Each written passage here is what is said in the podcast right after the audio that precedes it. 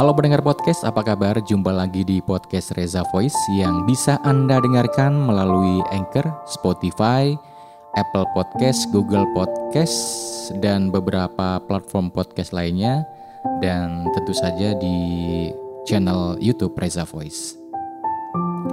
Sejujurnya saya nggak tahu atau bingung ya akan memulai dari mana bahasan podcast kali ini tapi yang jelas mungkin akhir-akhir ini atau bahkan sudah lama kita merasakan keresahan karena melihat timeline dari media sosial kita yang aduh rasanya hiruk pikuk banget dengan pertentangan, perselisihan, pertengkaran, adu pendapat, argumentasi yang kadang-kadang kita jadi bingung mana ujung mana pangkalnya Padahal kita sendiri pasti punya prinsip sendiri.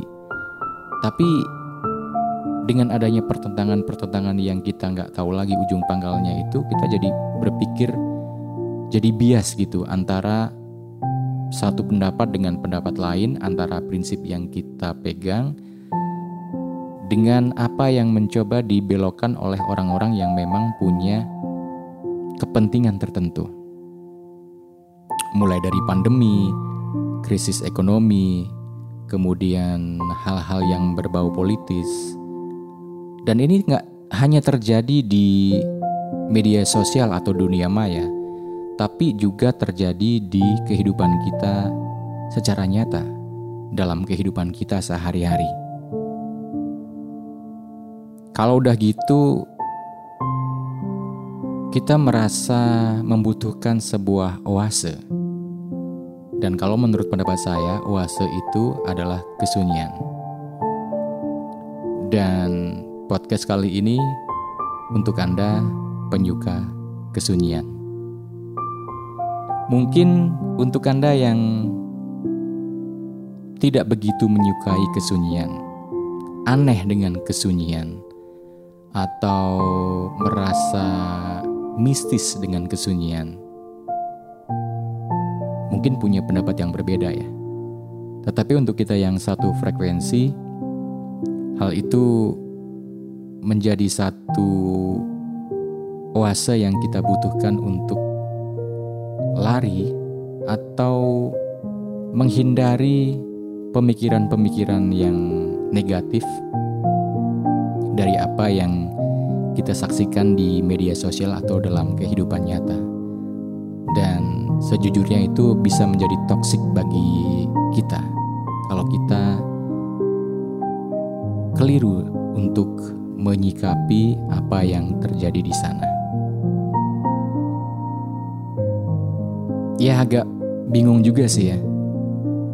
Sementara kadang-kadang hal negatif atau pemikiran positif sama toksiknya. Sama merugikannya kalau hal itu menjadi apa ya sebuah manipulasi dari pemikiran kita atau kita membohongi diri sendiri. Tapi secara jujur saat ini saya mulai suka melihat di YouTube ya um, solo camping, solo hiking, solo riding dengan jarak yang panjang yang ditempuhnya, hidup di alam, menyepi dari kehidupan sekitar. Entah kenapa akhir-akhir ini saya suka melihat itu dan ingin merasakan hal yang sama seperti apa yang dibuat oleh konten-konten kreator itu. Ya mungkin jawabannya adalah satu tadi bahwa kita sudah terlalu lelah melihat fenomena di dalam kehidupan kita akhir-akhir ini yang kadang membuat kita menjadi stres, menjadi kehilangan harapan karena terbunuh oleh kata-kata A, B yang saling bertentangan. Dan sedikit banyak mempengaruhi kita dalam menjalani kehidupan. Artinya kita merasa kadang-kadang gairah kita menjadi kurang atau motivasi kita untuk hidup menjadi kurang. Ini hal yang hmm, sangat negatif sih ya, sangat negatif saya rasa. Tetapi diakui atau tidak, hal itu yang kita rasakan pada saat sekarang ini. Apalagi bagi mereka-mereka yang tengah mengalami permasalahan dalam kehidupan.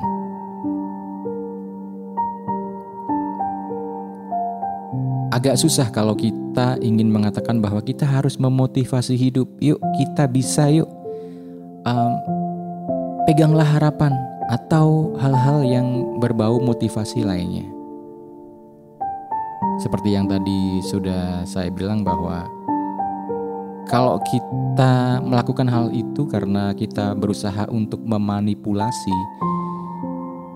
apa yang kita rasakan, hal itu rasanya menjadi kurang baik juga, atau bahkan tidak baik, akan menjadi negatif juga, ya.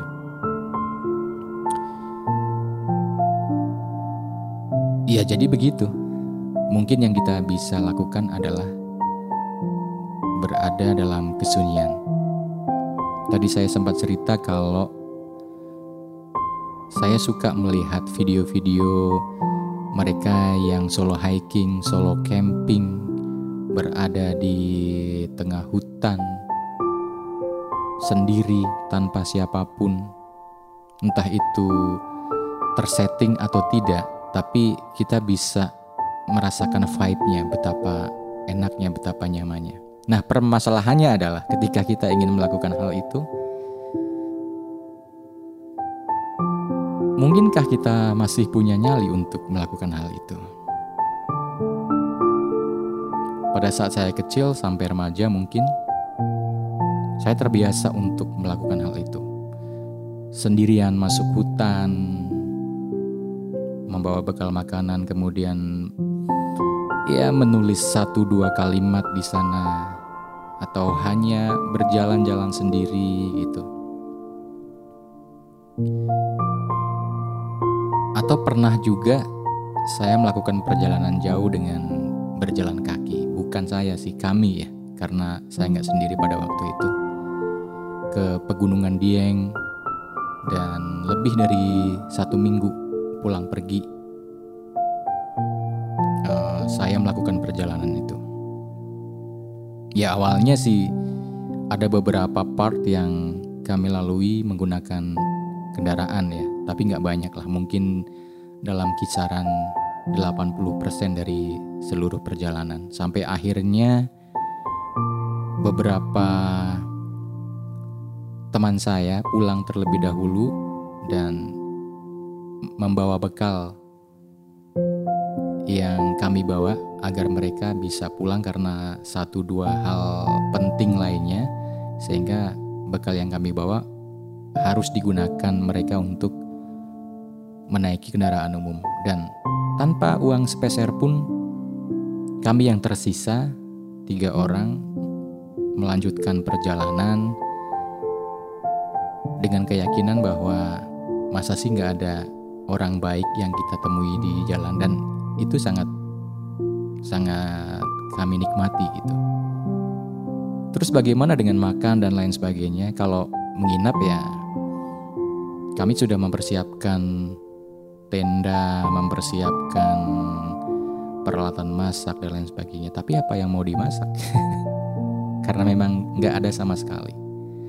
Jadi praktis itu semua nggak kita pakai dan ketika pagi kita berjalan sampai sore. Kemudian kita menginap di rumah penduduk. Dan ya udah kalau menginap di rumah penduduk ya include sama makan lah ya dan itu lumayan bagi perjalanan kami.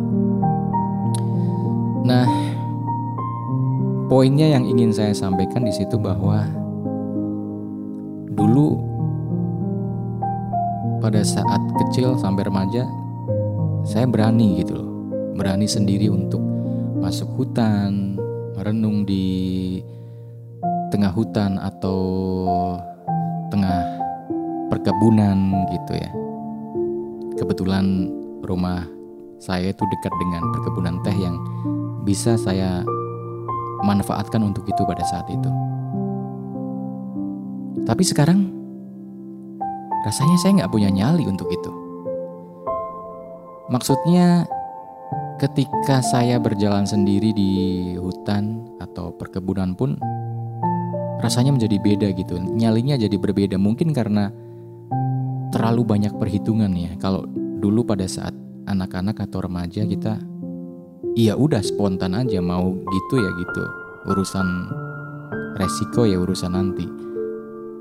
Nah, kadang-kadang kedewasaan ini juga menjadi sebuah sandungan untuk kita berani mengambil langkah, berani melakukan sesuatu.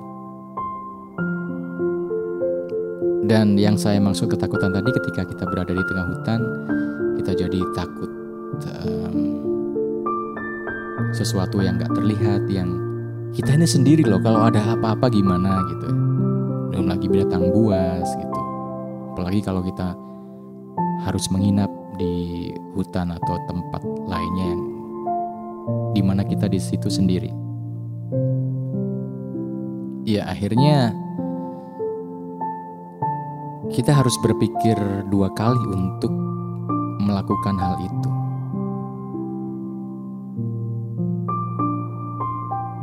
Tapi di sisi lain kita ternyata bisa mengambil um, garis atau jalan kesunyian sendiri gitu ya. Tadi baru satu hal yang yang apa ya yang menjadi argumen bahwa apakah kita masih punya nyali. Satu adalah keberanian. Yang kedua adalah fisik. Kalau fisik memang uh, saya pernah naik gunung. Uh, gunung Selamet ya. Dan dengan bersusah payah saya bisa melakukan hal itu. Tapi ya itu tadi jalannya pun didorong dan lain sebagainya. Apakah saya bisa melakukan itu lagi? Mending saya tidur di rumah. Tapi seenggaknya saya punya pengalaman itu, sehingga ketika seandainya suatu saat saya uh, merencanakan untuk naik gunung lagi, mungkin persiapannya beda ya, persiapan yang benar-benar matang. Tapi entah nggak tahu kapan, saya pun belum mempunyai keinginan untuk mengulang hal itu. Um, tadi sempat saya bilang sedikit bahwa kita bisa mengambil jalan kesunyian yang lain.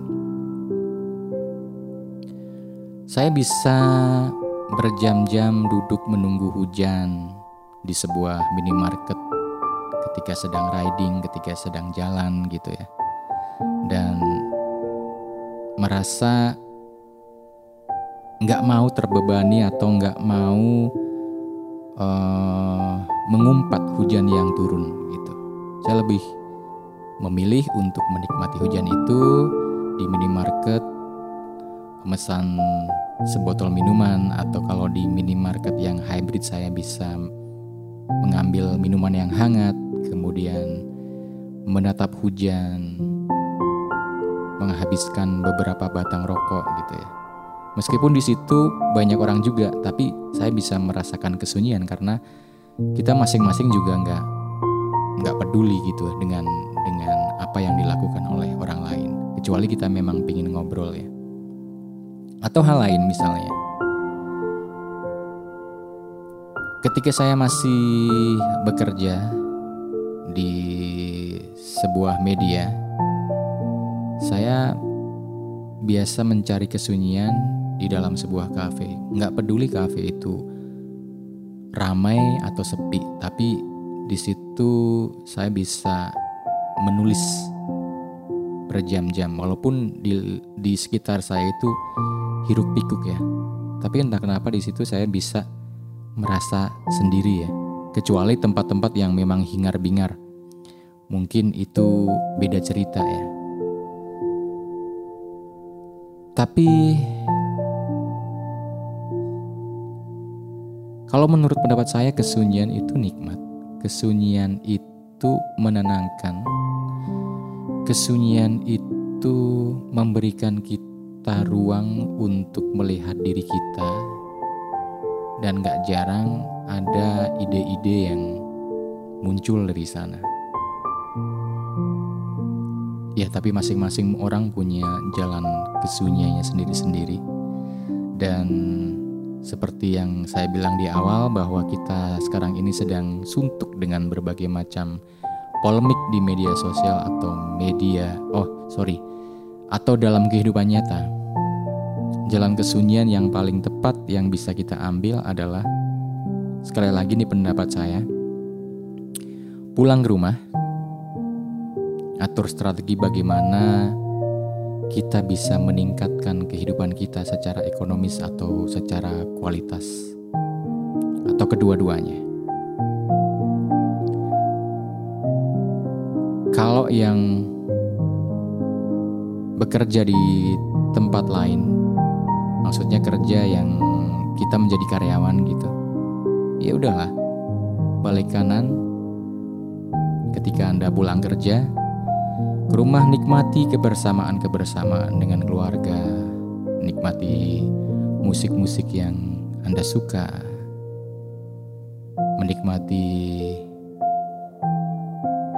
beternak misalnya, atau menanam sesuatu, atau apalah yang membuat diri kita ini tidak terlalu terbebani atau tidak terlalu banyak melihat hal-hal yang membuat kita jadi melemah. Mungkin kesannya terlalu motivatif ya. Sedangkan saya nggak terlalu suka motivatif. ya tapi yang jelas kembalilah kita susun apa yang bisa kita lakukan sebaik-baiknya dan kalau Anda adalah seorang pembuat sesuatu berkaryalah dan buat semua hal yang kita lakukan ini menjadi menyenangkan. Ya udah gitu. Saya nggak tahu mau menambahkan narasi lain lagi atau bagaimana atau ngomong apa lagi.